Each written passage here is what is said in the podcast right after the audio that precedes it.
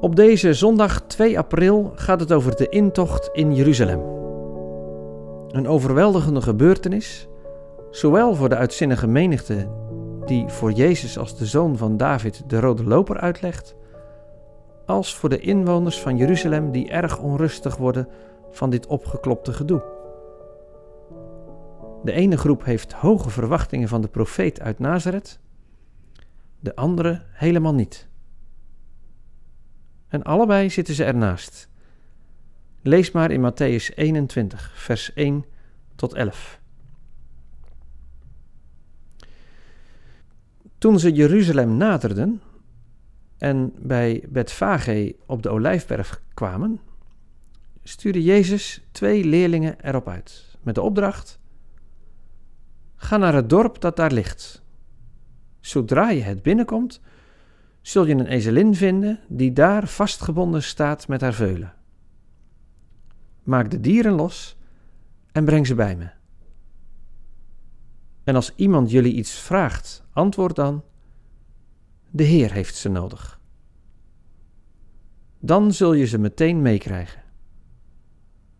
Dit is gebeurd omdat in vervulling moest gaan wat door de profeet gezegd is. Zeg tegen de vrouwen Sion: Kijk, je koning is in aantocht. Hij is zachtmoedig en rijdt op een ezelin en op een veulen, het jong van een lastdier. De leerlingen gingen op weg en deden wat Jezus hun had opgedragen. Ze brachten de ezelin en het veulen mee, legden er mantels overheen en Jezus ging erop zitten. Vanuit de menigte spreidden velen hun mantels op de weg uit.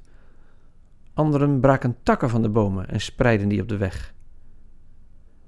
De talloze mensen die voor hem uitliepen en achter hem aankwamen, riepen luidkeels: Hosanna voor de zoon van David, gezegend hij die komt in de naam van de Heer. Hosanna in de hoogste hemel. Toen hij Jeruzalem binnenging, raakte de hele stad in rep en roer. Wie is die man? wilde men weten. Uit de menigte werd geantwoord: Dat is Jezus, de profeet uit Nazareth in Galilea. Misschien hadden sommigen het in de gaten. Dat hoe Jezus zich vandaag laat voortbewegen te maken heeft met de woorden uit Zacharia 9. Daar lezen we: Jeruzalem, schreeuw het uit van vreugde, je koning is in aantocht, bekleed met gerechtigheid en zegen. Nederig komt hij aanrijden op een ezel. Maar ze hadden niet door dat er naast een ezel ook sprake was van een lam. Op deze dag, de tiende van de maand Nisan, de dag waarop het paaslam wordt gekozen, zit dat lam op een ezel. En daarmee gooit God de hoop van Jeruzalem overhoop. Hij gaat volslagen anders te werk dan wij kunnen verwachten en verzinnen. Altijd. Kijk naar de ezel. Zie het lam.